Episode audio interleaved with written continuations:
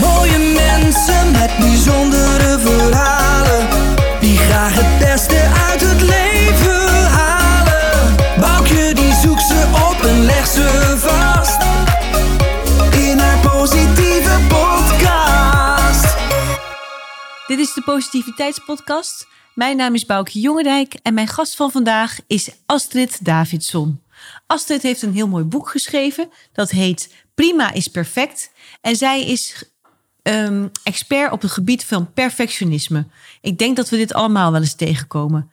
En Astrid heeft de kunst om mensen te helpen om hun gedachten en gevoelens op een positieve manier te herprogrammeren. En eigenlijk zegt ze met heel veel humor en eh, op een mooie manier dat prima ook al perfect is. En ze heeft de methode prima ontworpen, die ze ook in deze podcast zal toelichten. Het maakt je leven een stuk lichter. Graag laat ik je kennismaken met Astrid en haar mooie verhaal. Heel veel luisterplezier. Hier is Astrid Davidson. Hadi Astrid, goedemorgen. Goedemorgen, Boukje. Heel hartelijk bedankt eh, dat wij hier op bezoek mogen zijn. Ja. Vorige week eh, lag er veel sneeuw, was bij ons de verwarming uitgevallen. En toen eh, hebben we nog even erover gehad, zullen we het online doen? Maar ik ben heel erg blij dat ik jou hier in je mooie nieuwe ja, werkruimte mag ontmoeten. Ja, nou, ik Dus, keek ernaar uit om jullie alle twee te ontvangen hier. Dus ik denk van, dan stellen we het toch gewoon even uit. En Ja, heel graag. Het gaat. Ja. Leuk. Ehm, een hoop mensen zullen jou al kennen van je mooie boek Prima is perfect, waar we het straks graag over gaan hebben. Mhm. Maar ik zou het leuk vinden als jij ons een beetje wil vertellen van wie je bent en wat je graag doet en of je gezin hebt. Oké, Een beetje om wat meer jou te leren kennen. een, een plaatje. Graag. Eh, nou, Astrid, geboren Friesin in Harlingen. Eh, dus vlakbij de eilanden. Waar ik bijna nooit kwam, omdat mijn vader eh, die had een restaurant daar. Dus als wij op vakantie zouden gaan naar Vlieland of de Schelling... dan zouden we de hele dag moeten zien dat hij liep... hey, hoi, hey, hoi. Dus daar gingen wij nooit heen. Maar ehm, En spreek je Fries ook? ik versta het goed. Ja. En jij zou geloven dat ik Fries spreek. En een Fries gaat heel erg hard lachen als ik dat probeer. Oké. Dus dat is ongeveer. Maar ik vond het als kind heel vreemd dat andere mensen hè, uit andere gebieden dat niet verstonden. Maar dat komt, Ja. ik had een paar kennen beppen, dus die spraken dan Fries. En dan, ja, dan gaat dat automatisch, een soort van tweetalig wordt je opgevoed. Mooi, ja. Ja. Daar heb ik tot mijn achttiende gewoond met eh, twee zusjes en papa en mama. Ik ben de oudste van drie meiden. Oké. En in Leeuwarden op school gegaan naar de middelbare school. En toen mijn vleugels uitgeslagen. Een jaar in Brazilië gewoond. Zo, toen was je nog 18. 18. zo. Ja, ja. Dat is ook niet niks eh, Nee. van Friesland nee, naar Brazilië. Nee, het it, it runs in the family, zeggen we. Ehm, mijn moeder, eigenlijk een dochter van, een- van een aardappelboer... Mhm.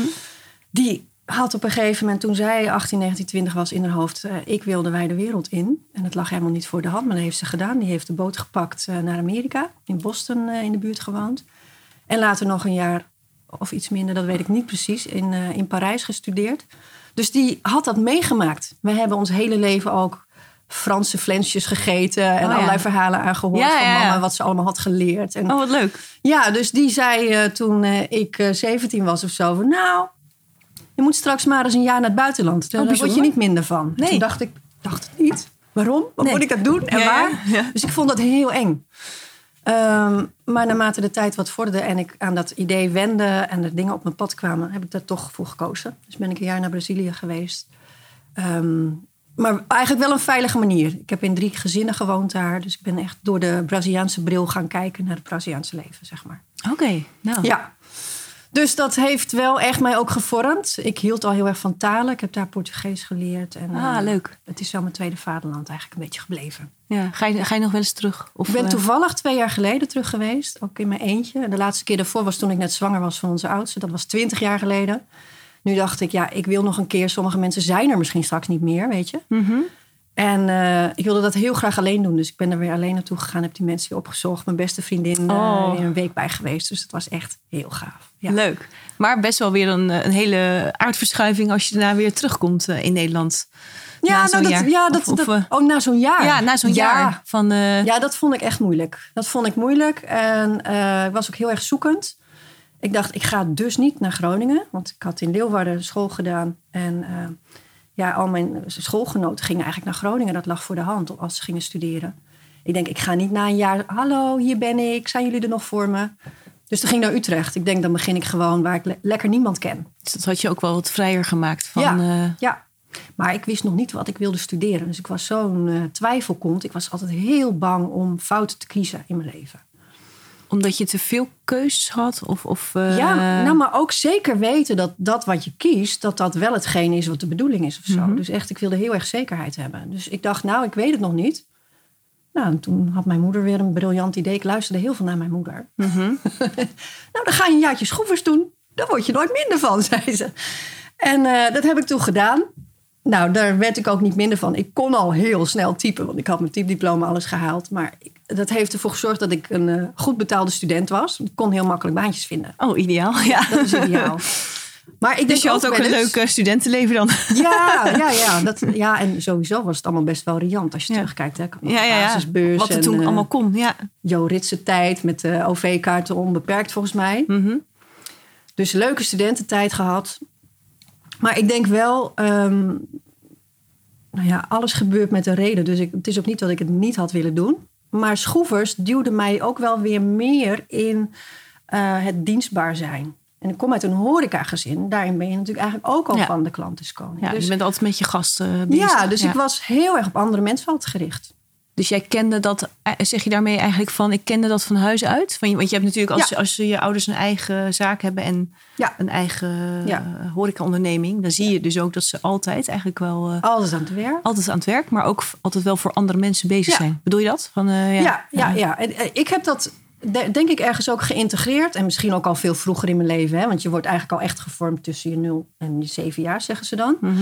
Ehm, ja, door, door toch wel mezelf heel erg weg te cijferen. En eh, altijd te kijken waar de behoefte van de ander lag. En eh, ehm, zeker niet makkelijk inderdaad durven kiezen. Dus dat ik uiteindelijk rechten ben gaan studeren... was ook omdat het zo lekker breed was. Oh, je bent ook eh, rechten gaan doen. Nou, bij mij is ongeveer hetzelfde verhaal. ik hoorde in jouw introductie... Ja, dit is heel grappig. Ja. Van, eh, ehm, want ik had ook allerlei wilde plannen met studies. KMA en volgens mij nog bestuurskunde in Enschede. En dat was dan best ver weg. En eh, nou, bla bla bla. En ineens zei ik, ik ga rechten doen. En als je me nu vraagt waarom? Ja, het is allemaal goed uitgepakt. Want ik heb Ja. het heel erg leuk gehad daarin. Ja. Maar het was niet een heel erg wel overwogen keuze en, eh, keuze. En het was wel ook iets waarmee ik dacht van... Nou, dan ligt, eh, kan ik alle kanten nog mee op. Precies.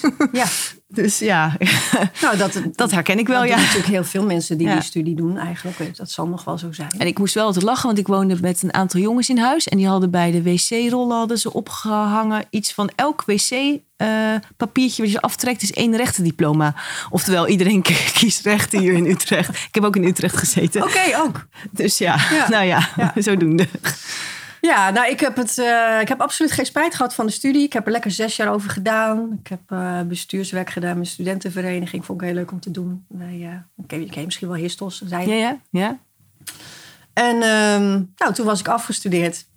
En toen dacht ik, ik ben internationaal, wel Nederlands recht, maar internationaal. Dus veel over Europa 92 destijds, weet je Oh wel. ja, ik Europees rechtelijk was toen ook nog vrij nieuw allemaal. Ja. hè? Was wel leuk. Wat een parallellen. Ja, dat is, heel leuk. En eh, toen was ik klaar. En toen had ik eh, in de zomervakantie, net voordat ik officieel afgestudeerd was, eh, een bijbaantje bij een communicatieadviesbureau aan de Malibaan in Utrecht, Bieker. Mhm. En nou, toen dacht ik, ja, nou, dat recht is allemaal leuk, maar dat ga ik dus echt niet doen. Daar ga ik dus echt niet in verder. Oké, dat was meteen helder. Ja, Oh. ja. want ik En weet waarom niet, was het was dat? een soort plaatje ook. verwachtingen van huis uit, mijn omgeving, mijn oud-tante. Nou, Astrid is nu jurist. En ehm, ja, met al dat eh, Europees recht en internationaal recht. Ik denk, ja, wat moet ik dan nu gaan doen? Moet ik dan nu naar Brussel? Mhm. Dat had wel de naam, hè? Of misschien... eh, dat, er- er kwamen altijd zoveel ideeën van... dat zou je kunnen doen, Nijrode. Mhm. Of eh, het diplomatenklasje, weet je wel. Allemaal de- van die dingen wat in de ogen van heel veel mensen dan status heeft of zo. Maar waarvan ik wel dacht van, hmm, hmm, ik weet niet. Maar dus ik ben eigenlijk gewoon vanuit die bijbaan... toen Van in dat schroefers? communicatie... Ja, eh, mhm. ehm, eh, adviesbureau ben ik daar eh, in dienst gekomen als junior communicatieadviseur. En toen was ik ja, ook weer een vreemde eend in de bijt. En toen heb ik ehm, eh, hoe heet het? Gewerkt voor een branchevereniging van organisatieadviesbureaus. Dus voor de PricewaterhouseCoopers heette het. Ze zijn allemaal inmiddels alweer vernoemd, de grote allemaal. Mhm. Waren twintig van, eh, van dat soort organisaties met een koepel daarboven. En ik was dus secretaris van die koepel. En eh, nou ja, dat was mijn eerste baan. En daarna heb ik echt van alles gedaan om maar te ontdekken wie ben ik, wat vind ik echt leuk. En dat lukte eigenlijk heel lang niet. Ja, en eh, was dat ook omdat je toen ook een beetje... ja, er kan heel veel, hè? Er zijn heel veel keuzes. En je hebt gewoon wel... Je hebt wel eh, die keuzes aangepakt. Want je had natuurlijk ook kunnen kiezen. Want je zei eigenlijk, ik volgde best wel mijn omgeving op. Maar eigenlijk heb je dat niet meer gedaan. Al op het moment dat je zei, ik ga bij dat communicatiebureau. Nee, dat was ergens al een breuk. Ja. Ja, ja, en toen, eh, anderhalf jaar daarna, ben ik daar weggehunt. Dat vond, ik toen, dat vond mijn ego wel heel leuk hoor. Heel eervol voor je ego, dat je wordt weggekaapt. Ja. ja, toen, toen, kwam ik bij, toen kwam ik in de energiebranche. Maar heb je het daarom ook gedaan? Ehm, nee, niet helemaal. Nee, het was weer keuzestress. Of nee, keuzes openhouden. Want ik dacht, ja, ik zit nu wel heel erg in de communicatiekant. Maar ik ben ook nog jurist. Dus Oh ja. als ik dit te lang blijf doen, dan Ja, is kan ik niet meer terug, is- kan ik niet meer zogenaamd. terug. Ja. Dus toen werd ik gehunt voor een secretarisfunctie bij een eh, koepel van energiebedrijven. En dat was zowel communicatie, bestuurlijk werk en juridisch werk. Dacht ik, ah, dan blijf ik Alles. ze allemaal doen. Kan ik gewoon alles kan ik lekker alles doen. Hoef, ik, hoef ik niet te kiezen. Dus dat leek Ja. mij, dat voelde weer veiliger, lekker breed. Dus ik heb me heel lang ook geïdentificeerd.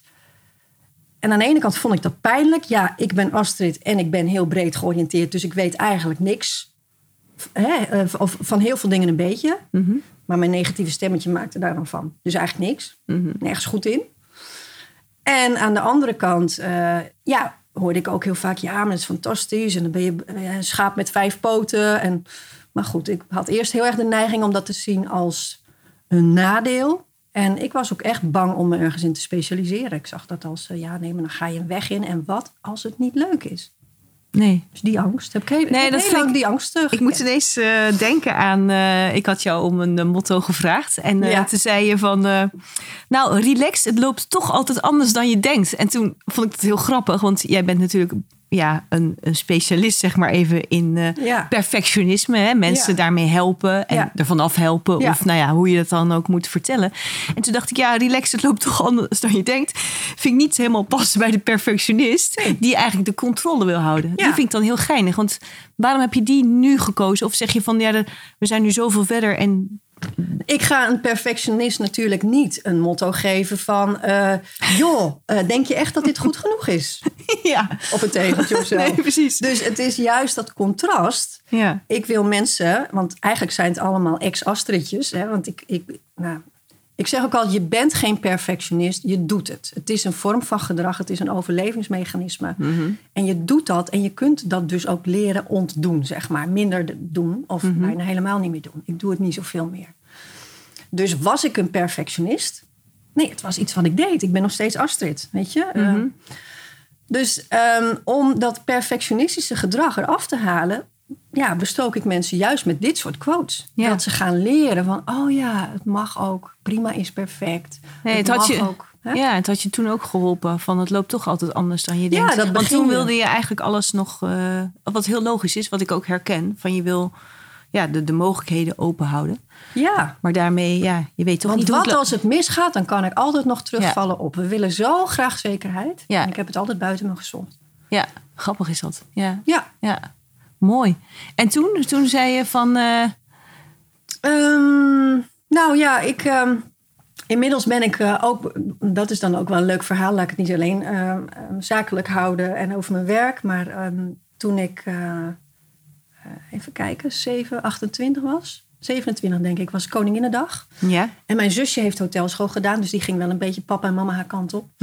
En die zat in Parijs. Die had daar een café, Klein Holland. oh, En daar was ik nog niet geweest. En ze zat daar volgens mij al anderhalf jaar. Dus toen zei ze, nou, als er iets leuk is, kom dan met, met ik wil bijna zeggen Koningsdag. Maar 98 was Koninginnedag natuurlijk.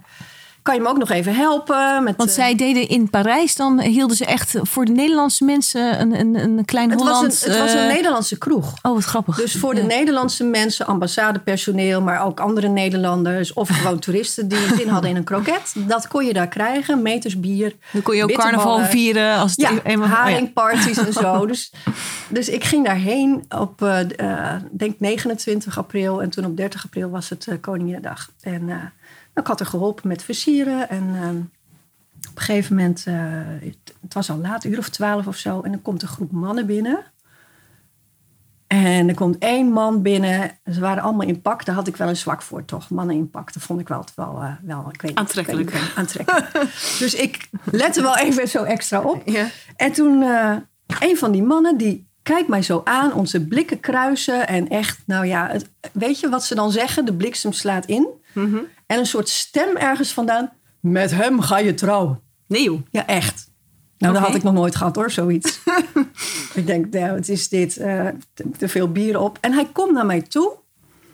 Maar Echt, hij beent zo naar me toe, lange benen. En pakt mij zo vast bij de schouders. Hup, vier zoenen. Hey! Ik denk, wat is dit? Ja, in Parijs doen ze vier zoenen, maar bij iedereen niet. En het was een Nederlander, of niet? Het was een Nederlander. Hij heette Ron.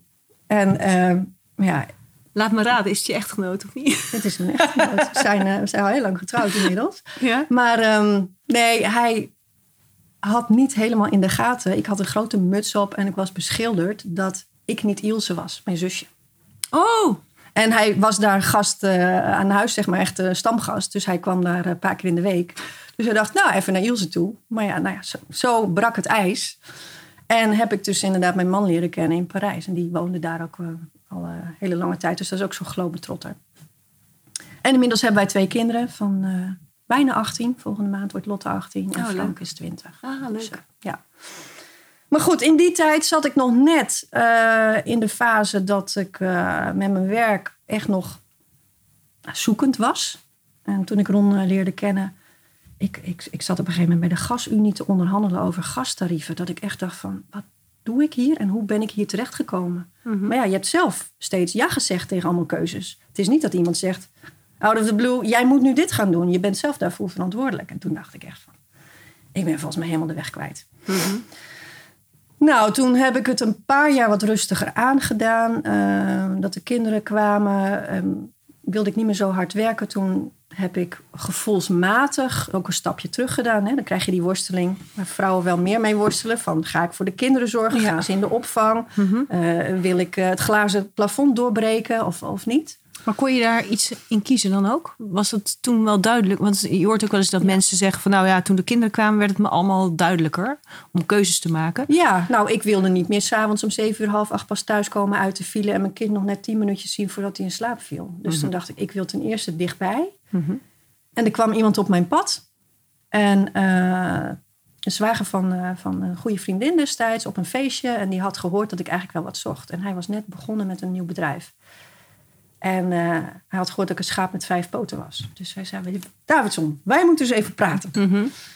En ehm, het ging nergens over. Ik had geen idee wat die man ging doen. Ja, een of ander eh, adviesbureau oprichten. maar, hij was zo enthousiast de hele tijd. En hij zei, ik zie het helemaal zitten. Wij gaan leuke dingen doen. Dus ik zei ben- ja. Dus ik ben echt op die energie ben ik toen ingestapt als office manager van een start-up. En ik mocht alles doen. Ik denk, lekker breed. en die stem kwam weer van eh, met hem ga je trouwen. En dat was uitgekomen. En die stem hielp mij de beslissing nemen. Want die stem die zei, dit is oefenen voor later. Oké. Want ik zat best wel vanuit angst. Ja, maar dan doe ik een stapje terug. Ik ga minder verdienen. Ik ben niet meer... Weet je, het was qua functie, als je zou zeggen... ja, een lager niveau. Dus Ja. ik, ik voelde ook wel ergens een beetje van schaamte. Van, hè, ga ik nou onder mijn kunnen werken? Dit is oefenen voor later. Oké. Dus ik ben het maar gewoon gaan doen. En gaandeweg... En mag ik even gewoon voor mensen die daar Ja. minder mee hebben... van Ja. ehm, en ook even voor mezelf... van je hoorde een stem Ja. of, of, of, of een boodschap of een... eh, Ja? Een Jij had, jij elke keer iets, iets eh, op de achtergrond van... oké, dat is... Ik eh, snapte er net zo... Ik, Mhm. ik keek net zo glazen uit mijn ogen als jij nu van, van, wat is dat dan? Ik begrijpen. Ik wist het niet. Maar normaal, als ik mijn innerlijke dialoog heb... dan hoor ik mij. Mhm. Of als ik stemmetjes van vroeger heb, bijvoorbeeld, weet ik veel, dat ik mijn sokken niet opruimde, net als mijn dochter nu doet. Je legt de was op, op de trap. Oh ja. en, eh, dat En mama die haalt de rest wel weg. Ja, Dus mijn moeder, Astrid, je sok. Dan hoor ik mijn moeder in mijn hoofd. ja. ja. Maar dit was iets. Ik denk Dit was van, een onbekende stem eigenlijk. Ja. Ja. Dus ik weet niet of je dan, want nu ben ik jaren later en ben ik ook veel meer bezig gegaan met spiritualiteit. Of ik nu zou zeggen dat was mijn gids. Of het is de stem van God. Of. Nee. Maar dat weet ik eigenlijk niet. Maar het was wel iets, een signaal, noem ik het maar even dan. Ja. Wat steeds wel eh, Ja, bij je binnenkwam. ja. en het was niet iets wat ik met mijn juridische hoofd kon verklaren. Dus het voelt wel als iets tussen de werelden in, zeg maar. Mhm. Nou, en het oefenen voor later, dat was eigenlijk... ehm, ja, ik, ik ben daar een soort van bedrijfje gaan leren opzetten. Toen, in die functie Mhm. als office manager. Ik was mijn baas aan het ontlasten. En ik moest visitekaartjes regelen. Ik moest eh, toezien op de huisstijl. Ik moest de haringen kopen voor als het visdag was, dat we lekker konden lunchen. Ja. Maar ik moest ook onderhandelen, of eh, niet onderhandelen, maar eh, besprekingen met de notaris over de algemene voorwaarden. Ik ja, want je had natuurlijk ook nog die doen. juridische kennis. Ja, Dus eigenlijk Eh, was het weer heel breed. het was weer heel breed. En ik heb dus allerlei Ja. dingen leren doen. Mhm. Maar toen wist ik nog niet dat ik na vier jaar eh, het ook wel weer zat was daar. Want toen had ik alles gedaan. En eh, ehm, ja, ik kon toen nog niet weten dat het echt oefenen was voor later. Dat ik ooit een eigen bedrijf zou starten. Nee. Daar was ik helemaal niet mee. Maar het is dus wel achteraf gezien ook, als je terugkijkt, wel heel waardevol geweest. Ja. Want daarmee heb je wel die stap ook op een Ja. gegeven moment durven zetten. Ja, dus ik geloof echt Ja. zo niet in toeval. Ja.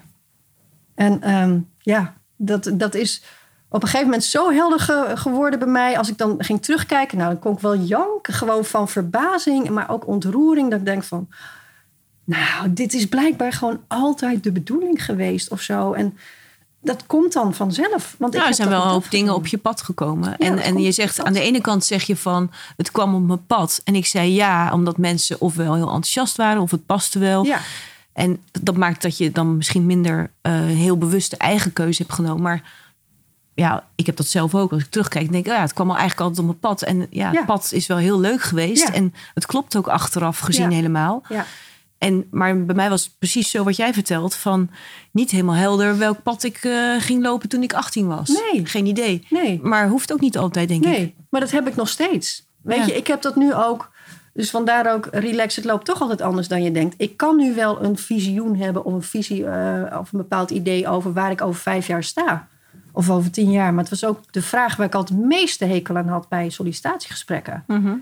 Blijkbaar voelde ik dan intuïtief al van zo werkt het helemaal niet. Je, het is wel goed om een doel te hebben.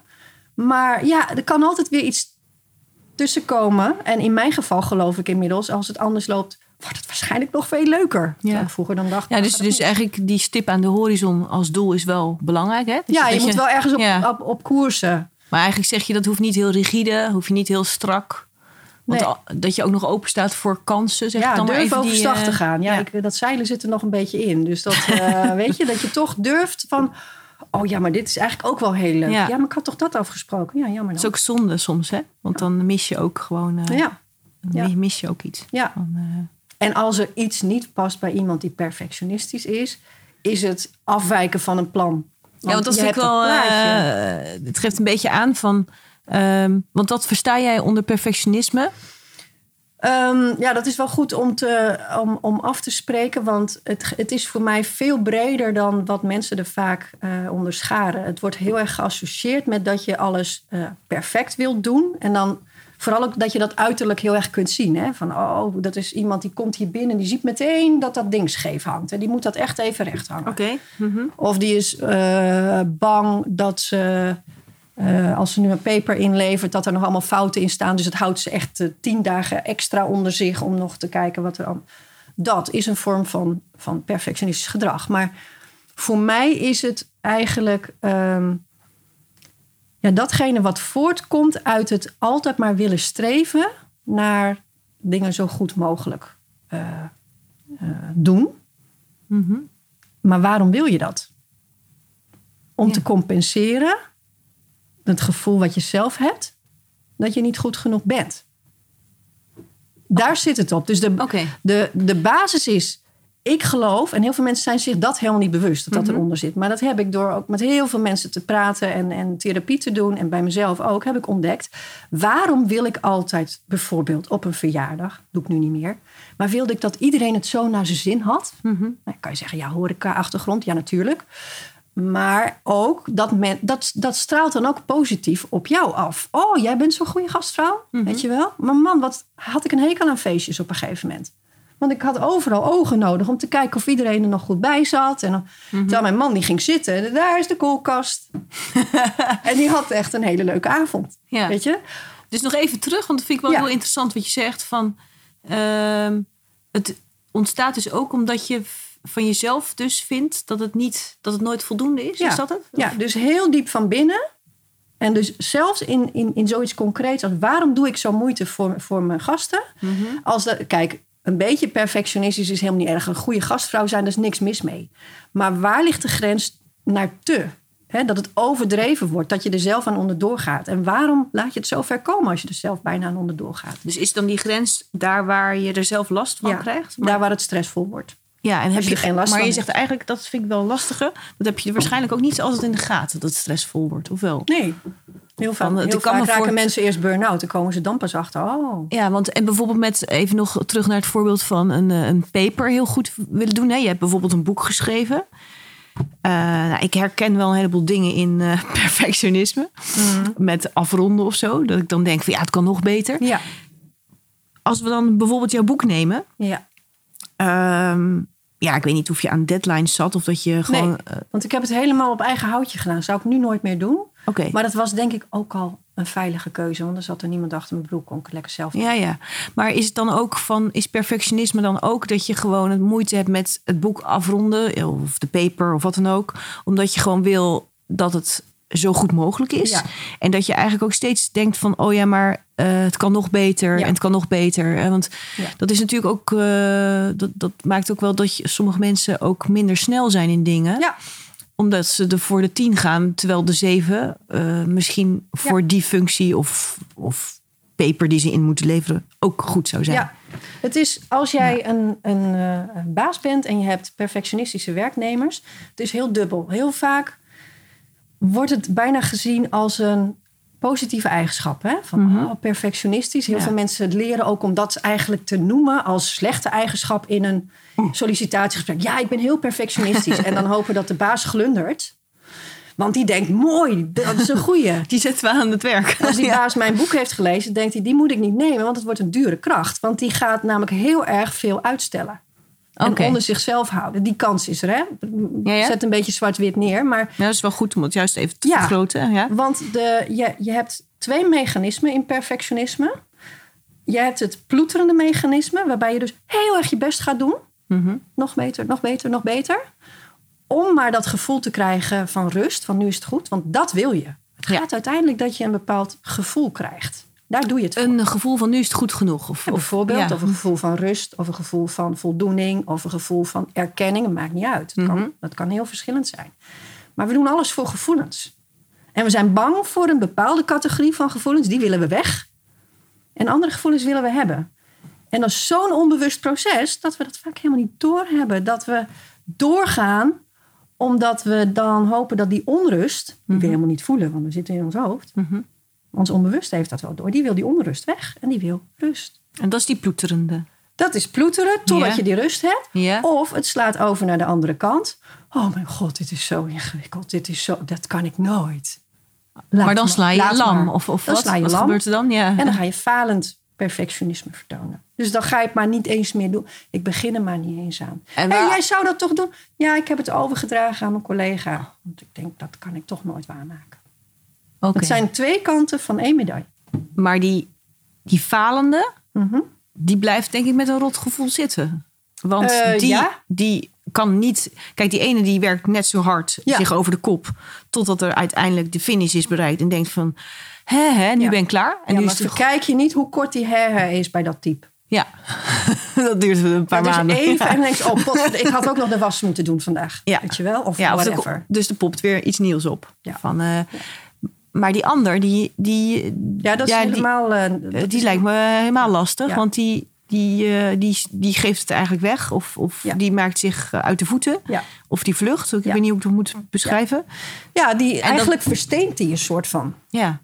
En ja, ehm, ik heb daar. Ik heb zelf het idee dat die nog vervelender is om, om te voelen, zeg maar. Omdat het echt. Nou ja, dan krijg je ook bijna depressieve gevoelens. Dan heb je nergens meer zin in en laat maar. En Mhm. je bent helemaal ontmoedigd. En weet je, geen kracht meer. En dat andere kan nog heel lang. Ook een, dat is voor heel veel mensen ook een soort van verslavend. Die vinden het daarom ook. Ja, nou, ik ben heel perfectionistisch. Heb je het dan met je vriendin over. Oh, zijn weer perfectionistisch. Nou, het eerste wat mijn cursisten moeten afleren is dat ze daar nog Overlachen. over lachen. Oké. En als ik het zo eh, beluister van... ik denk dat... eh, ja, ik, ik heb er geen idee van. Je hebt, je hebt heel veel onderzoek en zo gedaan. Je- dit is toch iets wat wel veel mensen... eh, Ja. ze- want ik wist niet dat het twee varianten waren. Maar als je dus op één hoop gooit... Dit Ja. hele, de hele verzameling... Ja, is... Ja, heeft bijna ik- iedereen daar last van in meer of mindere mate. Dus niet iedereen gaat er zo onder gebukt. Maar de mechanismen zijn voor heel veel mensen wel herkenbaar. Ja, nou zeiden we net even in het begin gekscherend... dat het ehm, misschien ook wel is dat, dat dames er meer last van hebben. Ja. Waar zou dat hem in zitten? Omdat er meer eh, verschillende facetten zijn? Omdat er ook soms nog een moederrol is die... Of waar, waar zou, ja, waar ik zou denk het in dat in zitten? deze tijd van de geschiedenis en, en, en waar wij vrouwen vandaan komen, is allemaal nog niet zo lang geleden, zijn wij het meest recent, want ik weet niet hoe het Van daarvoor Mars. was. Ja. Er zijn ook mensen die zeggen, vroeger hebben de vrouwen de mannen onderdrukt. Nou, dat, daar heb ik nooit met geschiedenis geleerd, maar ik, ik weet het niet, dat kan. Ja. Maar komen wij natuurlijk wel uit een underdog-positie. En hebben vrouwen veel meer, eh, ook onbewust, ook door de generaties heen, het idee dat ze zich moeten bewijzen. Ik denk Oh, dat dat wel echt ook een rol speelt. Als ik alleen al kijk naar dat wij het nu heel gewoon vinden dat we eh, een huishouden runnen en werken. Mhm. Dat had mijn oma niet. En we willen nog net zo, net zo schoon huis hebben. ja. En mijn moeder bijvoorbeeld, ik heb inmiddels wel iemand die me helpt met, eh, met het huishouden één keer in de twee weken. Gewoon wat dingetjes. Maar dat vond mijn moeder ook echt nadan. ja, dat hoor ik wel vaker. Ja, dat, dus dat eh, is ook een soort van schaamte van ja, maar dat kan je toch Kan je toch zelf doen? Ja. En dat hebben vrouwen gewoon veel meer dan mannen. En eh, ja, ik denk, ja, we zijn sowieso anders, maar dat dat er misschien ook wel mee te maken heeft. Maar dat heb ik niet heel uitvoerig onderzocht. Dus eh, Nee, maar ik denk dat ja, iedereen in meer of minder en, en verschillende situaties... dat we bijna iedereen wel eens last van heeft. In, Ja. in meer of mindere mate. ja. En ehm, ehm, jij had er dan ook last van, want je bent ermee. ja, heel, heel erg. Ja, want Ja. wat heeft jou eh, ertoe gebracht om dit mooie boek te gaan maken? Nou, ik, ik kan het niet helemaal terughalen, maar wat, wat wel heel vaak oppopt als voorbeeld, en dat raakte me toen heel erg, dat ik eh, bezig was, mijn kritische ik, mijn kriti want perfectionisten zijn heel kritisch op zichzelf, maar ook, ik, ik was ook heel kritisch naar anderen. En er staan twee. Dus ja, veroordelend? Of, of, eh, veroordelend. oh, dat is niet goed. Er staan volgens mij twee voorbeelden die ik ook noem in mijn boek. En ze zijn hilarisch, maar ze zijn ook diep verdrietig eigenlijk. Ehm, dat ik mijn man terugstuurde naar de supermarkt. Want hoe haalde hij het in zijn hoofd om voor een verjaardagsfeestje? Ik had een heel boodschappenlijstje gemaakt. Dan had hij al zoiets van, dat is wel erg veel.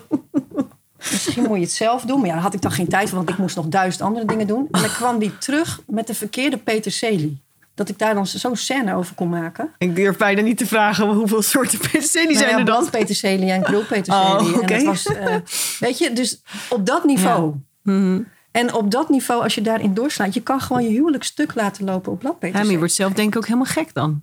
Ja, toch? Ja, Want dan is het eigenlijk bijna nooit, nou ja, Nee. nooit goed. nee. Nee. En een ander voorbeeld, en dat, dat, dat kwam toen ook heel erg binnen. Een vriendinnetje van mij was zwanger en ik wilde een kaartje voor haar kopen. En ehm, ik denk dat die van mij drie en vijf waren of zo, of vier en zes, ik weet het niet meer. Maar in ieder geval oud genoeg om bij zo'n kaartenstandaard ook te staan en mee te kijken. Oh, mogen wij helpen uitzoeken? Ja, ja, ja, zoeken jullie maar een kaart uit. weet je, en dat ze dus heel blij komen met een kaart van Donald Duck of zo Ja. dat ik dacht, ja, ik kan, ik kan, Don, ik kan toch niet naar zwangere Doreen een kaart sturen van Donald Duck. Dus dat ik dan tegen mijn kinderen zet. Terwijl ik eerst zeg van ja, ga maar doen. Ja. Eh, vervolgens, eh, nee, dat is niet goed. En die beteuterde gezichtjes. Ja. Dus wat voor signalen geef je zo vroeg al aan je kind? En dat kwam toen wel heel erg binnen. Want ze zeiden verder niks. Maar ik, dat, dat, ja. dat zag ik. Het is wel fijn dat je dat ehm, herkende bij. Ja. Want eh, ja, Ja. ik kan me voorstellen als je zo helemaal eh, bezig bent met alles, dat je dat ook helemaal niet meer in de gaten hebt. Nee. Dat je dat überhaupt aan het doen bent. Nee, klopt. klopt. Maar wat mij heeft geholpen is... eh, eh, want dat komt nu wel weer binnen. We, we zijn op een gegeven moment... Ik, ik heb die baan vier jaar gedaan als nou ja, Mhm. hè, oefenen voor het ondernemerschap. Mhm. Toen was ik erop uitgekeken. Ik zat enorm in mijn slachtofferrol. Ik dacht, waarom ziet mijn baas niet dat ik meer in mijn mars heb? Waarom geeft hij me niet andere dingen te doen? Maar ja, die baas had zoiets van, ja, maar ja je zit op die functie. Dat, dat is de spil. Je doet het hartstikke goed, dus ik hou jou daar. En daar staat dit salaris tegenover. Sorry. Dus eh, ik daarover klagen en klagen en klagen en ontevreden. Maar niet in actie durven komen. Want ik wist ook niet wat, wat dan wel. Mhm.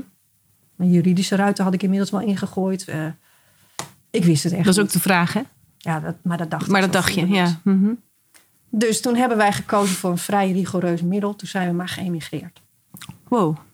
ja, die- Toen, ehm, ja, maar dat betekent dan ook met je hele gezin. eh, met mijn hele gezin. eh, ja, zoals ik al zei, Ron die had ook reiskriebels. Hè, die had ook al veel van de wereld Mhm. gezien. En ik had nog zulke warme herinneringen aan Brazilië. En ik dacht van, oh, Italiaans of Spaans. Dus dan ging overal solliciteren. En er kwamen zoveel kansen op ons pad. En uiteindelijk werd het Italië.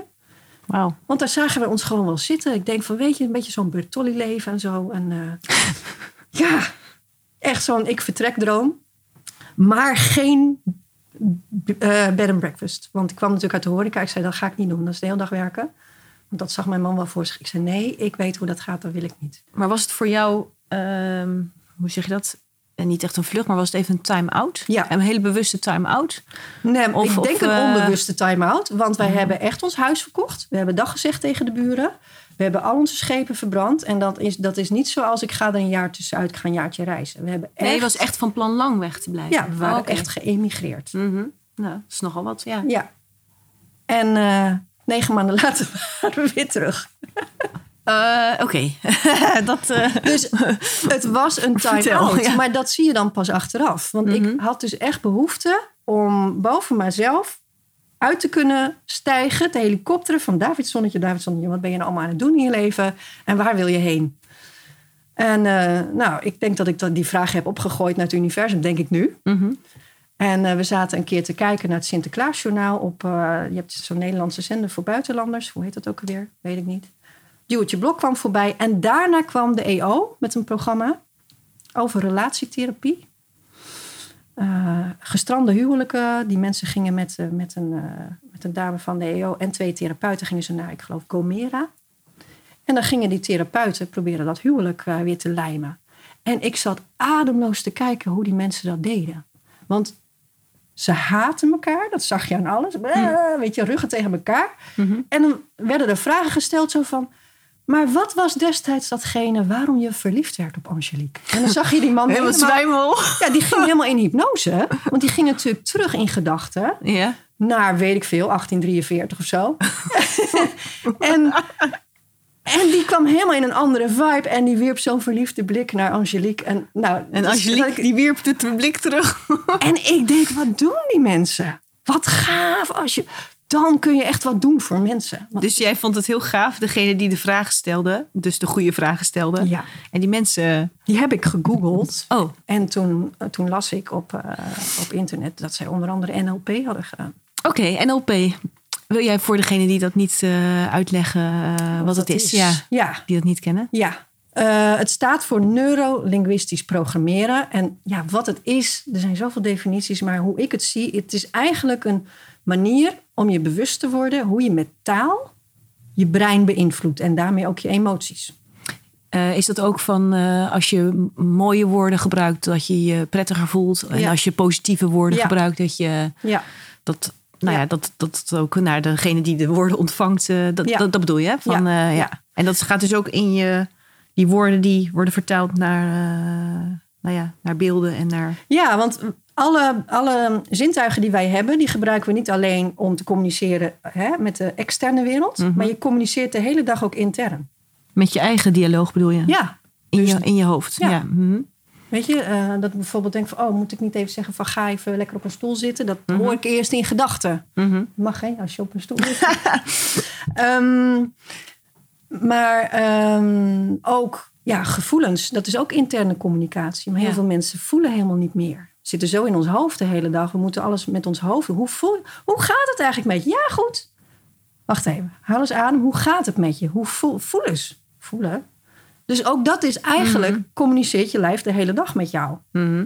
Maar ontvangen wij die boodschap nog? Nou, heel vaak niet. En die beelden inderdaad. Sommige mensen zijn zich heel bewust dat ze visualiseren. Bedoel je daar ook mee die meneer die weer dacht aan eh, 1843, die eh, zijn ja, vrouw... ja die, die dreef helemaal af in gedachten. En dan zie je dus dat ze in, eh, nou wat was het toen, Eh, 2007, eh, zaten ze het ene moment in een, in een vibe van... eh, en Ja. hij gaat even in een andere belevingswereld intern. Ja. En neemt dat mee, neemt die gevoelens mee. Kijkt dan opeens ook weer met een andere blik. ja, mooi. Totdat die mevrouw mis- misschien iets zegt waardoor hij weer getriggerd wordt. Hè? Ja, een lullig woord, ja. Maar dat kun je dus trainen. Dus je kunt als je bewust wordt van je interne, hoe, hoe intern je zintuigen werken en hoe je brein werkt, Ja, dat is mooi, hè? Kun je enorme shifts doormaken. En dat begon, daar had ik alle tijd voor in Italië. Dus Oh, dat ben je gaan doen. nou, ik heb een boek besteld toen. Welk boek was dat? Eh, een boek wat ik nooit gelezen heb. Oké. ik weet niet eens of die hier staat. Nee, dat was het handboek voor NLP. En dat kwam via Bol, die leverde toen ook al. En ik dacht, oh, en ik vond dat ingewikkeld. Ik denk, het is net wetenschap. En toen ben ik verder gaan googlen en toen kwam ik op, eh, op Joost van der Leij. Dat, eh, die geeft nog steeds NLP-training in Amsterdam. En die bracht dat allemaal zo leuk en zo luchtig en met humor. En dat deed je online toen? Ja, Of, eh, ik, ik ben zijn nieuwsbrieven gaan volgen. mhm. En Italië liep anders, want mijn man zijn baan dat pakte allemaal niet goed uit. Maar het maakte mij eigenlijk niet zo heel veel meer uit. Want toen dacht ik, oké, Je zat op een ander spoor of zo? Of, ja. ik, ik wil wel weer terug. Ik wil wel weer, eh, want ja, bij de VVV werken hier in Italië, daar wordt hem ook niet. En in Noord-Italië waren de mensen helemaal niet zo gastvrij, kwam ik achter. Ging alleen maar om geld verdienen en de goede schoenen aan hebben. Oh, Dus het was veel killer dan ik dacht. En ik las dat, eh, die, die NLP-nieuwsbrief. Ik denk, ik wil zo'n opleiding gaan doen. Kan ah, in leuk. Ja? Dus zo is het gegaan. Oh, mooi. Dus ik wil niet iedereen adviseren om als je even vastloopt meteen te emigreren.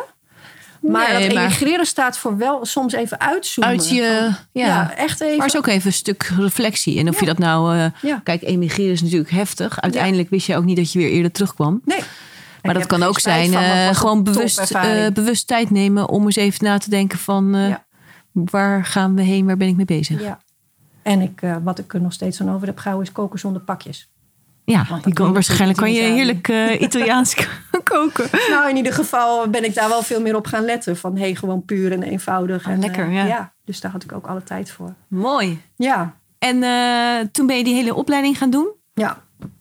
En, maar had je de connectie tussen NLP en perfectionisme? Heeft die NLP een soort bewustwording gecreëerd? Ja, Of, ja, want als je inderdaad vraagt van... Hey, hoe kwam je er nou achter, dat, dat perfectionisme bij jezelf? Ja. Dat komt omdat ik mezelf beter ging, eh, ging eh, herkennen van Mhm. wat doe ik.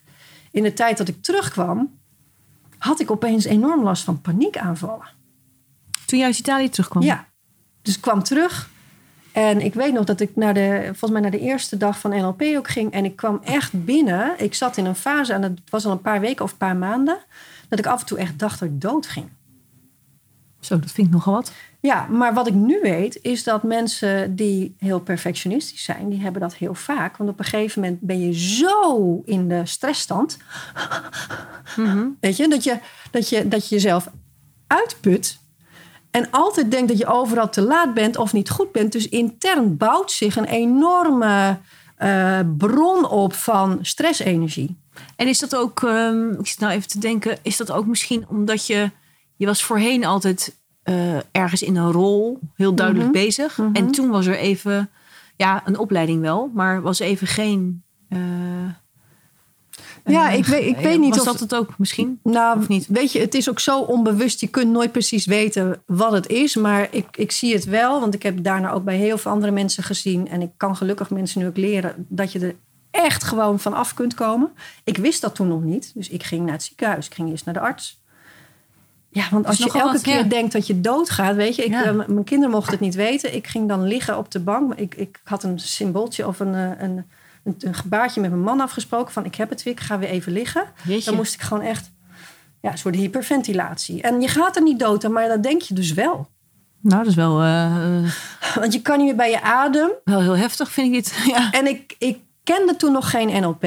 Dus wat ik niet door had, en later, want daardoor ben ik er vanaf gekomen, dat ik olie op het vuur gooide. Want je gaat denken, oh, straks val ik flauw. ja. Dan maak je Dus beelden. dat stemmetje zit ook... eh, Het stemmetje? Je, gaat flauw vallen, ja. En dat stemmetje gaat niet zo van, oh, straks val ik flauw.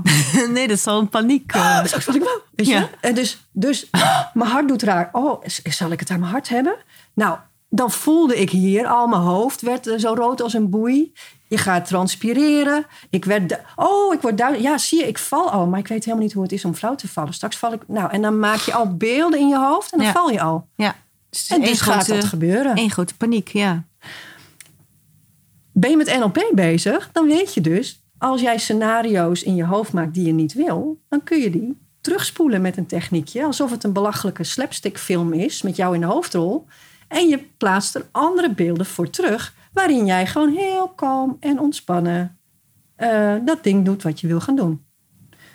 Doe je NLP, dan leer je in plaats van, oh ik ben in paniek, in paniek, kun je zeggen, ook al voel ik nu paniek in mijn lichaam, ik blijf rustig en kalm, want ik voel me veilig. Nou, dat soort hele basale dingen, Mhm. ik was er echt, ik was er in twee weken vanaf. Maar je kreeg eigenlijk op het goede moment een soort gereedschapskist... Ja. om Ja, dit soort situaties Ja. ineens... Ja. eh, terwijl als je dat dus niet weet... eh, dat dat kan, Mhm. dan weet je niet waar je het zoeken moet. nee, en Toch? zo zitten er dus heel veel mensen thuis, ook, ook in deze tijd, in deze coronatijd, maar de Ja. mensen met pleinvrees, met straatvrees, met supermarktvrees, met Mhm. Weet je, er zijn allemaal namen voor. Maar het is eigenlijk belachelijk. Want het enige wat, wat, wat bepaalt hoe iets gaat heten... is vaak de situatie waar jij die angst kreeg.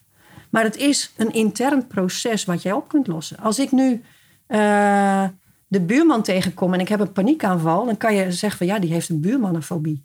Dat heeft niks met de buurman te maken. Nee, maar zo werken Ja, heel ja, veel ja. van die etiketten. Ja, ja, ja. Ja, nee, maar jij hebt typische geval van een paniekstoornis... en dan wel deze. Er is een heel dik boek voor. Maar dan krijg je vervolgens nog een etiket en, en nog een heleboel te lezen erover. Ja, dus en het... tranquilizers, kalmeringsmiddelen, onderdrukkende dingen. Want ik ben ook naar het ziekenhuis geweest. En ik heb me ook eh, laten doormeten. En ja, mevrouw, daar zult u mee moeten leren leven. Maar iets in mij wist, dat is echt niet de bedoeling. En dat, is, dat verklaart ook mijn passie. Waarom ik zo heel graag hier heel veel aandacht aan wil geven. Waarom ik mijn boek heb geschreven. Omdat het iets is wat je doet. En wat je dus kunt ontdoen. Je kunt ermee stoppen. Maar als je eh, het echt wilt stoppen, want je, je kunt naar een, een behandelaar gaan om van je dit vrees of je dat vrees of je zusangst of je zo angst. Maar ten diepste, de angst die er ten diepste onder zit, is: heb ik wel bestaansrecht? Ben ik wel goed genoeg? Mag ik er wel zijn?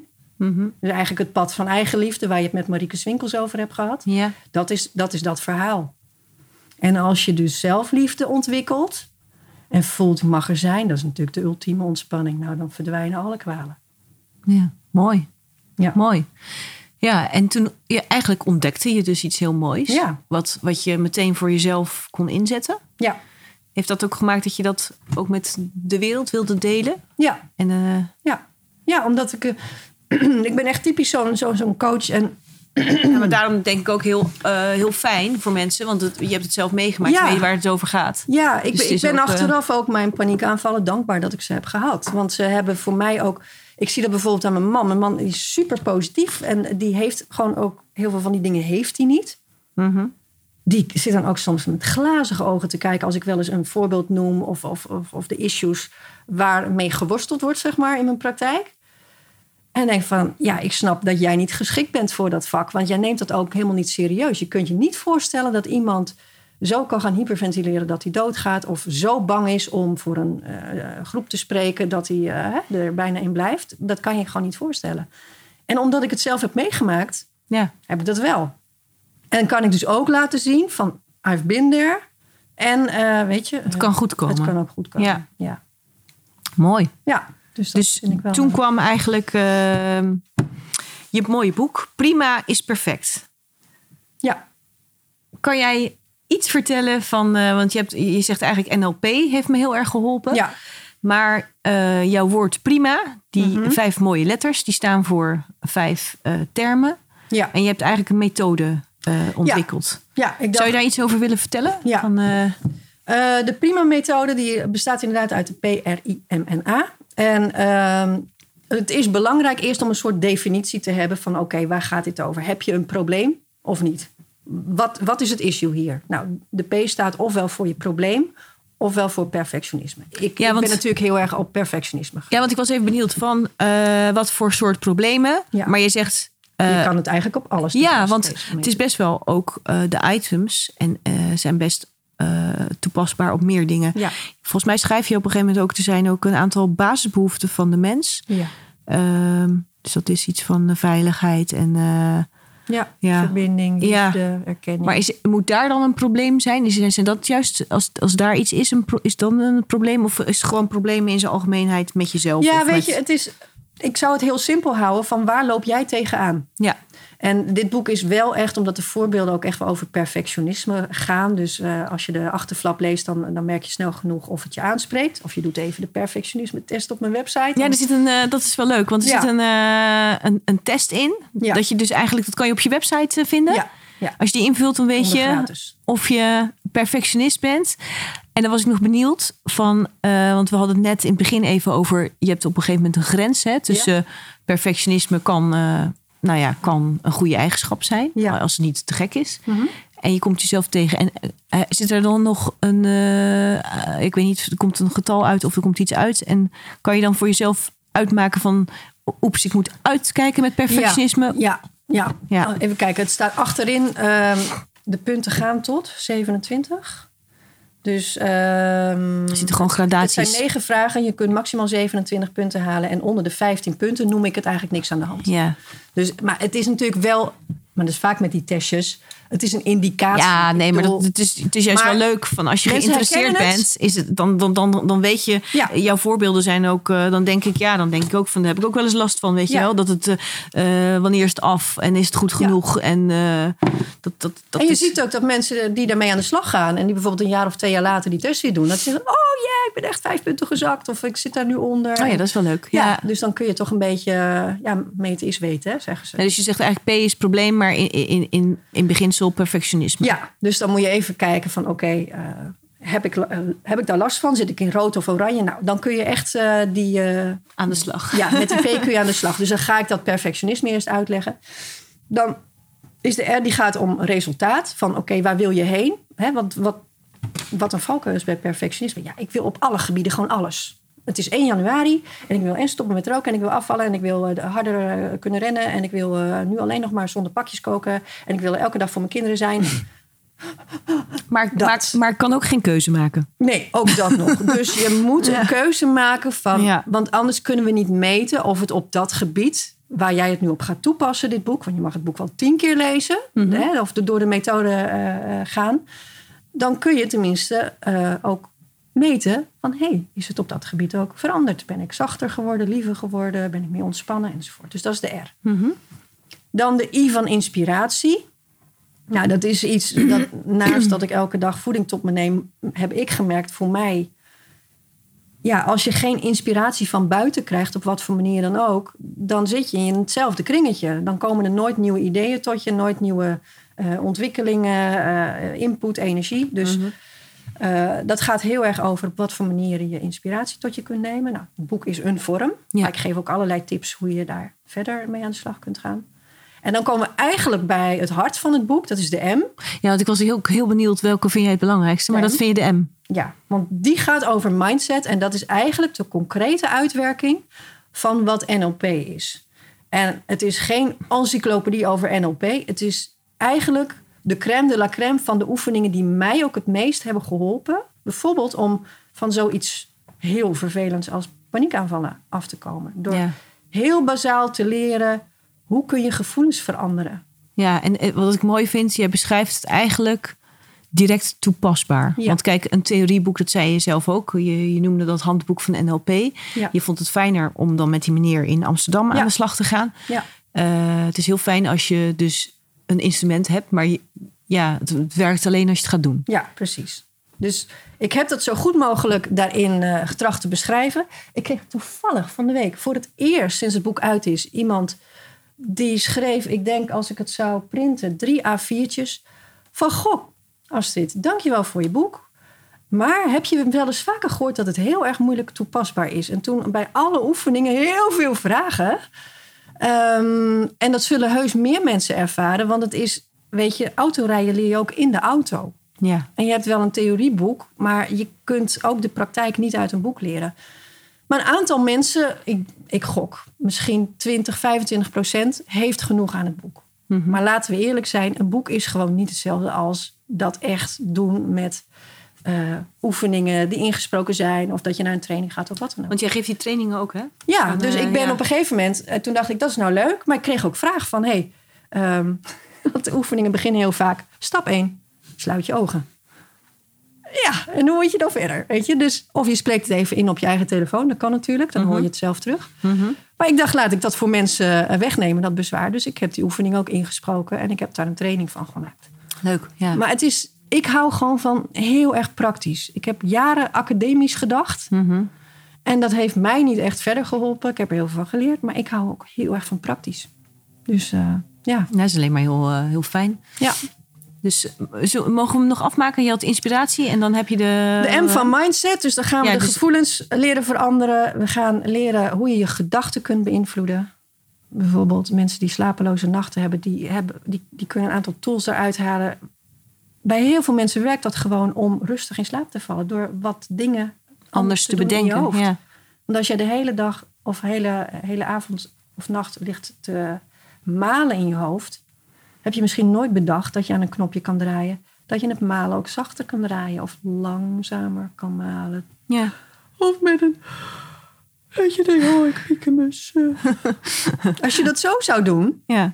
ja, mooi. En, en eh, de rol van mediteren daarin, eh, hoe kijk je daar tegenaan? Ja, dat, dat, is, dat is een andere methode. Het heeft ook raakvlakken. Af en toe loopt het een beetje in elkaar over. Ja. Eh, dus dat is Maar het is niet per se nodig, hè? Nee. Het is meer ook gewoon gedachtes en een... Ja, ja. Het, ehm, ik, ik zie zelf mediteren meer als je laat zijn. Hè, je, je gaat zitten en je gaat observeren. Mhm. En eigenlijk is NLP meer sturend. Oké, wat, wat kan ik nu doen? Wat gebeurt daar? En je kunt daar ook in, meer in ingrijpen. Dus, Dus eigenlijk bewust, eh, in. bewust actief. eh, Ja, ja. Dan kom je ook bij die A van actie. Is dat, is dat dan ook dat je daadwerkelijk... eh, wat is de A van actie? nou dat is als je het allemaal hebt gelezen. Wat dus heel veel mensen, voor heel veel mensen blijft het daarbij. Ja. Ja, als dit. eh, super je boek. En ik weet ook allemaal hoe het werkt, maar ik voel het nog niet. En dat zeg ik in mijn, eh, tenminste dat zei ik in mijn podcast ook altijd aan het begin. Prima is perfect, jij bent perfect. Maar als je dat leert voelen, schijnt de zon iedere dag. Niet als je dat hebt leren weten. Nee, of leren lezen. Nee, want dan blijft het theorie. Ja. Dus de A vergt wel dat jij ook de verantwoordelijkheid neemt als je het echt wil gaan voelen, om dat te leren.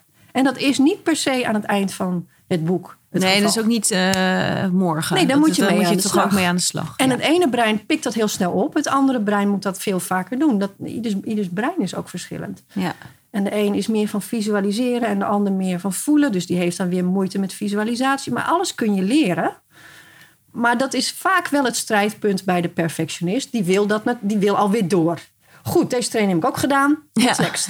Vinkje, huppatee. Ja. Ja. Ja, en juist, en dat heb ik zelf ook heel, moeten, heel erg moeten leren. Less is more. Doe dingen langzamer. Doe ze met aandacht. Maar doe ze. En doe desnoods een heel klein beetje. En niet meteen een half, half boek op een dag. Nee, en als je nou hiermee aan de gang gaat, ik vind het ook altijd wel, eh, want dan zit je er helemaal in, hè? Dan ben je gedreven, want je, je hebt, eh, je denkt, nou, daar kan ik iets mee, dat Ja. gaat mij iets, iets, iets opbrengen. Dat- Ja.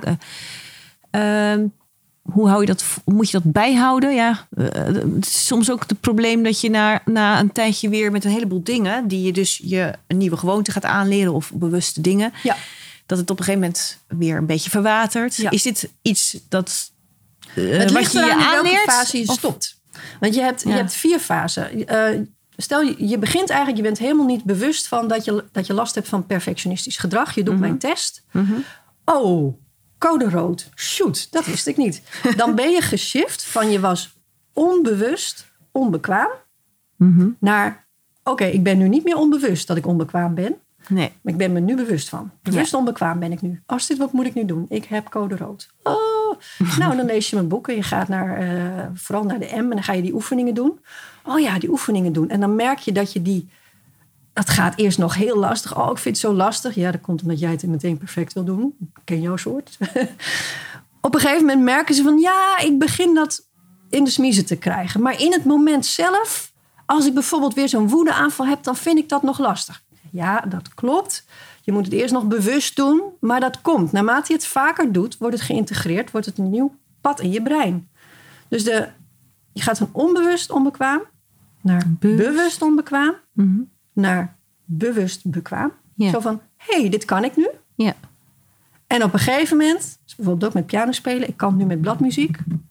Op een gegeven moment zit het in je vingers. Ja. En dan denk je er niet meer over na. En dan hoef je dat niet meer te herhalen. Dan is het onderdeel geworden van Ja. ja, je nieuwe manier van doen. Maar de En- meeste mensen haken net wat eerder af. ja, maar er zijn ook wel mensen, eh, dan denk ik even aan het voorbeeld van je man, die hebben er gewoon ook geen last van, denk ik. Hè? nee, dat klopt. dat vind ik ook wel weer grappig, Ja. want het is niet zo dat iedereen. eh, Nee. maar je kan dus zelf ook op dat punt komen dat je dus ook voortaan op een feestje lekker Ja. relaxed achterover kan zitten en eh, Ja. niet meer je verantwoordelijk voelt voor alle eh, gasten of mensen om je heen. Ja. En toch, weet je, want dat is dan. Als ik naar mijn man kijk, Mhm. die heeft jaren geleden heel goed verborgen weten te houden voor mij. Totdat het voorbij was eigenlijk, of totdat hij echt hulp ging zoeken, dat hij ook helemaal niet lekker in zijn vel zat. Dus die zat tegen een burn-out aan. Die had ja gezegd tegen de functie waar hij voor gevraagd was, waarvan hij voelde van dit is niet mijn ding. Toch gedaan. Zo'n last op zijn schouders. En dat proberen allemaal intern te verwerken. Dus eigenlijk toch de hele tijd te proberen voldoen aan de eisen die die functie stelt. En degene die de leidinggevende eh, niet willen teleurstellen. Dus hij had het eigenlijk ook. Alleen met andere voorbeelden. Ja, En een de- andere periode. Hij heeft het nu weer helemaal niet. Maar hij, is ook, hij heeft ook hulp opgeroepen, eh, ingeroepen op zijn manier daarvoor. Ja. Dus ik dacht eerst van, ja, hij heeft het helemaal niet. Maar dat volgens mij heeft ieder mens ergens wel ja. eh, van die momenten dat hij onzeker is of twijfelt. Of, eh, alleen, ja, ook niet iedereen is het zich bewust of heeft er zoveel last van. Nee. Nou heb je op een gegeven moment, je hebt vanuit je boek ook je mooie bedrijf Zon in je leven. Mhm. Eh, ook vanuit jouw achternaam denk ik van eh Ja. Davidson. Ja, ja. Leuk. Ja. En, en daar help je dus ook mensen mee om eh, dit soort dingen te onderzoeken en, en aan te pakken. Ja. Van, ja, ik had die NLP-trainingen gedaan. Ik ging toen eigenlijk hielp ik nog iedereen met alles. Spinnenangst, hoogtevrees, weet ik veel. En op een gegeven moment zei een vriendin van mij tegen mij... ehm, ja, ik heb geleerd dat het belangrijk is om eigenlijk toch hè, te focussen. Toen dacht ik, ja, maar ja, dan zeg ik nee tegen heel veel. mhm. En ik, wie moet ik dan kiezen? En toen zei ze, maar wat vind jij nou de allerleukste klanten om, eh, om, om te helpen? Ik zei, ja, eigenlijk de mensen die hetzelfde eh, ervaren als wat ik altijd had. Oh, de perfectionist. Nou, dat Klaar. was echt, weet je, het is vaak zo simpel dat je er zelf jarenlang overheen walst en het niet ziet. Ja. En eh, ja, dus dat is eigenlijk wat ik ben gaan doen. En ik dacht van, oh, dat is maar een hele kleine niche. Nou, echt niet. Nee. Half Nederland heeft hier last van. Ja, dat, denk ik ook wel. Van. Ja. Dan was ik nog heel even benieuwd, getriggerd door jouw, eh, jouw mooie bord van eh, A. Davidsonplein, breinbemiddelaar. Ja, Want ben jij in je bedrijf, eh, noem je jezelf breinbemiddelaar? Nou Of- ja, of ik, hoe, eh, ik noem het niet actief meer heel erg zo, maar dat, dat heb ik wel een tijd gedaan. Toen, ik vind het een hele mooie term. toen Van, volgde ik eh, ook een eh, dame die zei van ja, weet je, al die. Als, als je zegt ik ben coach, dan haken mensen al af, want ze gooien je allemaal op één hoop. Ja. Kijk of je wat anders kunt verzinnen. En toen kwam dit er bij mij uit. Er is mij vroeger ook wel verteld, je bent ook een bemiddelaar. Misschien Hm. moet je met je ju- juridische opleiding moet je mediation gaan doen.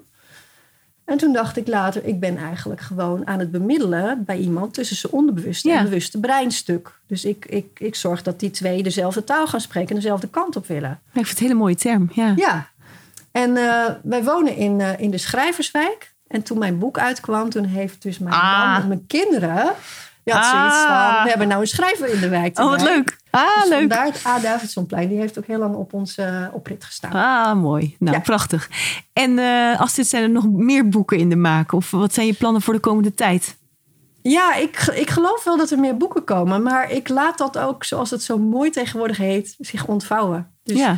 Ehm, ik weet zeker dat het komt, maar Ja, maar ook relax. eh, we Ja. zien wel hoe het gaat of Ja. zo. Je spreuk eh, doet daar dan ook weer. Ja, Dus- ja dus ik, eh, ik plan dat niet. Ik heb het al een paar keer gezegd. Ik heb zelfs al twee keer gezegd van... hé, hey, ik ga nu weer beginnen.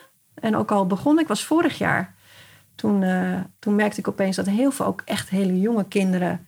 al zo ontzettend lijden aan een negatief zelfbeeld. Weet je, Mhm. 11, 12, 13 jaar. Kinderen die ik ook ken. Met Mhm. Ja, ouders die dan zeggen... nou, ze, zij of hij denkt er echt over af en toe van... ik wil niet meer leven. Oh, wat heftig. Nou, toen, Ja. toen dacht ik van, met wat ik weet, dit kunnen ze allemaal leren.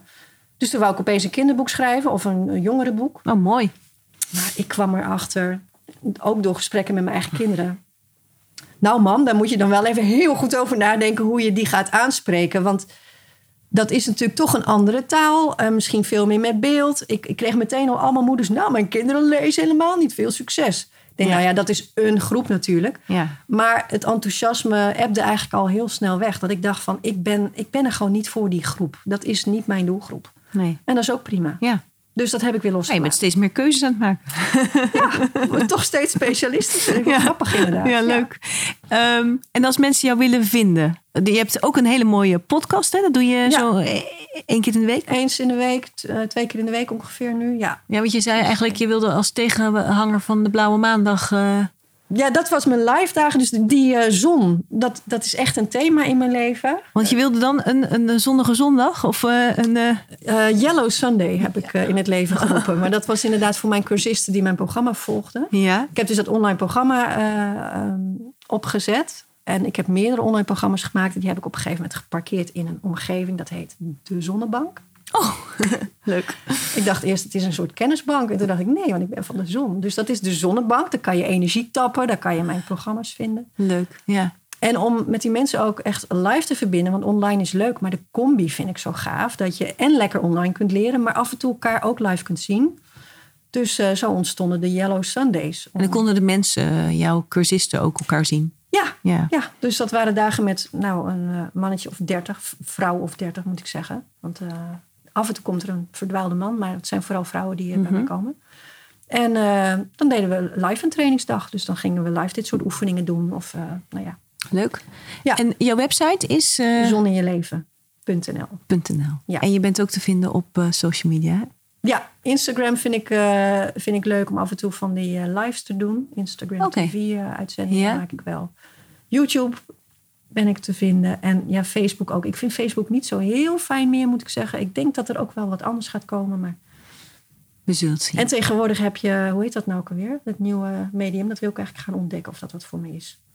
Dat is alleen voor Apple-gebruikers. En dat is, eh, oh, nou. Ik weet het niet. Dat is eh, radio, zeg maar. Dus dat je naar elkaar kunt luisteren. Maar interactief met elkaar kunt Oké, praten. geen podcast-achtig iets, maar Nee, maar eh, het is een alternatief voor podcast. Of niet, niet een alternatief, een aanvulling. Maar je kunt dus eh, live met elkaar praten. Dus je hebt interactie. Oh, leuk. Dus Ja. ik dacht eerst, dat is weer een medium.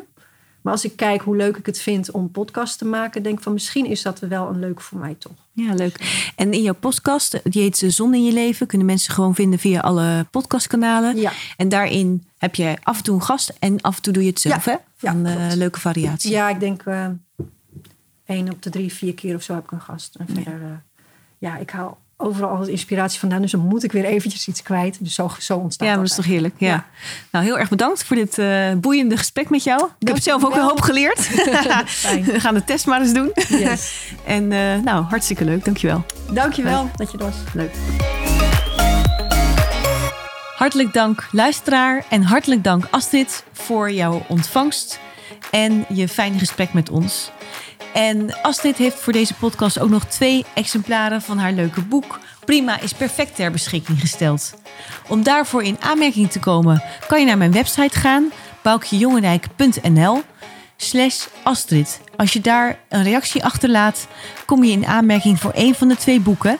En dit keer gaan we kijken wie de leukste reactie heeft ingezonden. En dan gaat het om de vraag: welk inzicht heb jij uit deze podcast kunnen halen? We zijn heel erg benieuwd en we kijken heel erg uit naar jullie reacties. Wil je nou meer weten van Astrid? Dan kan je naar haar website gaan, zoninjeleven.nl. En zij heeft ook een leuke podcast die elke week uitkomt op zondag. En die podcast heet ook Zon in je leven. Hartelijk bedankt, graag tot over twee weken en heb een fijne dag. Tot ziens!